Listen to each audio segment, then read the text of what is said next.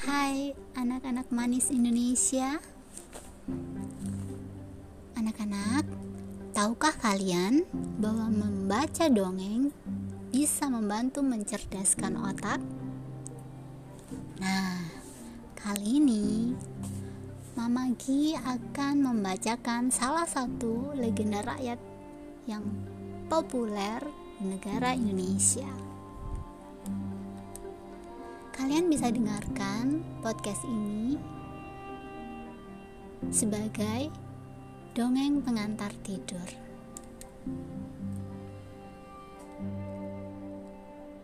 Legenda tujuh kepala ular.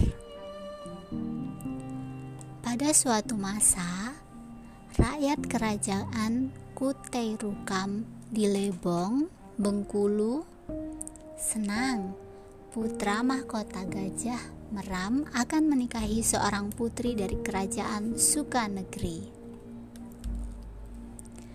Raja Bikau bermano meminta rakyatnya untuk menyiapkan pesta yang hebat.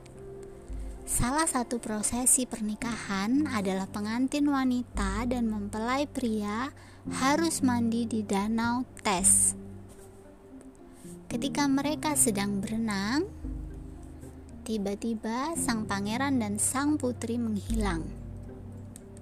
Para tentara segera melompat ke danau. Tetapi mereka tidak dapat menemukan pangeran dan putri. Mereka benar-benar bingung mengapa pangeran dan putri tiba-tiba menghilang. Mengetahui hal itu, raja sangat sedih. Dia meminta semua prajurit untuk berenang namun tetap saja pangeran dan putri tidak dapat ditemukan. Belakangan, seorang lelaki suci tua mendatangi raja. Dia mengatakan bahwa pangeran dan putri diculik oleh ular berkepala tujuh. Dia adalah raja ular dan dia memiliki banyak prajurit ular. Hmm, Serem. Satu-satunya orang yang bisa membantu adalah seorang pemuda yang memiliki keterampilan hebat dalam seni bela diri dan kekuatan gaib. Pria muda yang ia maksudkan adalah putra bungsu raja. Namanya adalah Pangeran Gajah Merik. Dia juga murid dari orang suci itu. Raja sangat tersentuh ketika Pangeran Gajah Merik bersedia menemukan kakak laki-lakinya dan istri saudaranya. Orang suci memberitahu Pangeran Gajah Merik agar tidak takut pada bangsa ular. Pangeran Gajah Merik pun masuk ke dalam danau dan melawan tentara ular dengan berani. Tentara ular tidak bisa melawannya. Gajah Merik sangat kuat dia bisa dengan mudah membunuh tentara ular. Dan akhirnya dia berhadapan langsung dengan Raja Ular. Dia adalah ular berkepala tujuh. Raja Ular sangat marah mengetahui para tentaranya banyak yang mati di tangan Pangeran Gajah Merik. Hei, kamu manusia, mengapa kamu membunuh semua prajuritku? Tanya Raja Ular. Mereka berusaha menghentikanku. Aku ingin membebaskan kakak laki-lakiku dan istrinya. Aku akan membebaskan mereka. Tapi kamu harus melakukan dua hal. Pertama, kamu harus membuat prajuritku yang mati hidup lagi. Dan kedua, kamu harus mengalahkan aku tentu saja. Hahaha.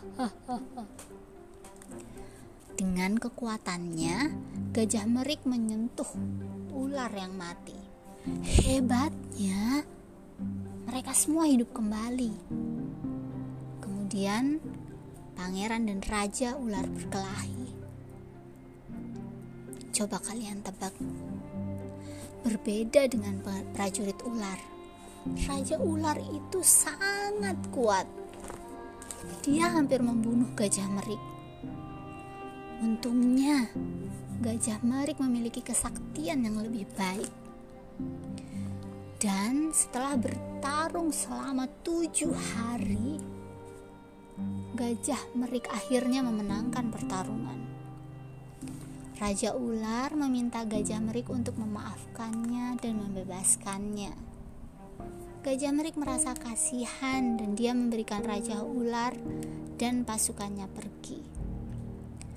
Kemudian Gajah Merik membawa Gajah Meram dan istrinya kembali ke istana.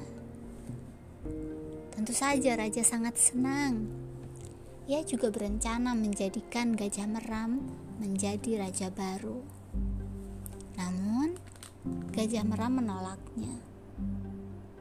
Dia mengatakan, Gajah Merik lebih baik menjadi raja berikutnya. Dia sangat berani dan kuat. Dia juga memiliki hati yang luar biasa. Dia rela mengorbankan dirinya. Gajah Merik pun setuju untuk menjadi raja berikutnya, tetapi dia meminta ayahnya untuk membiarkan Raja Ular dan prajuritnya menjadi prajurit Gajah Merik. Raja pun setuju. Sejak saat itu, Raja Ular dan prajuritnya menjadi prajurit Gajah Merik. Hingga saat ini, masyarakat di Lebong, Bengkulu meyakini bahwa ada ular berkepala tujuh yang menjaga Danau Tes. Mereka tidak berani mengatakan kata-kata buruk saat melintasi danau. Kalau tidak, ular berkepala tujuh ini akan marah dan bisa menyebabkan kejadian yang tidak diinginkan. Nah, adik-adik, coba apa yang bisa kalian petik? Pesan moral apa yang bisa kalian petik atau kalian ambil dari legenda tujuh kepala ular. Kalau kalian bingung, kalian bisa tanyakan pada mama dan papa kalian. Selamat beristirahat.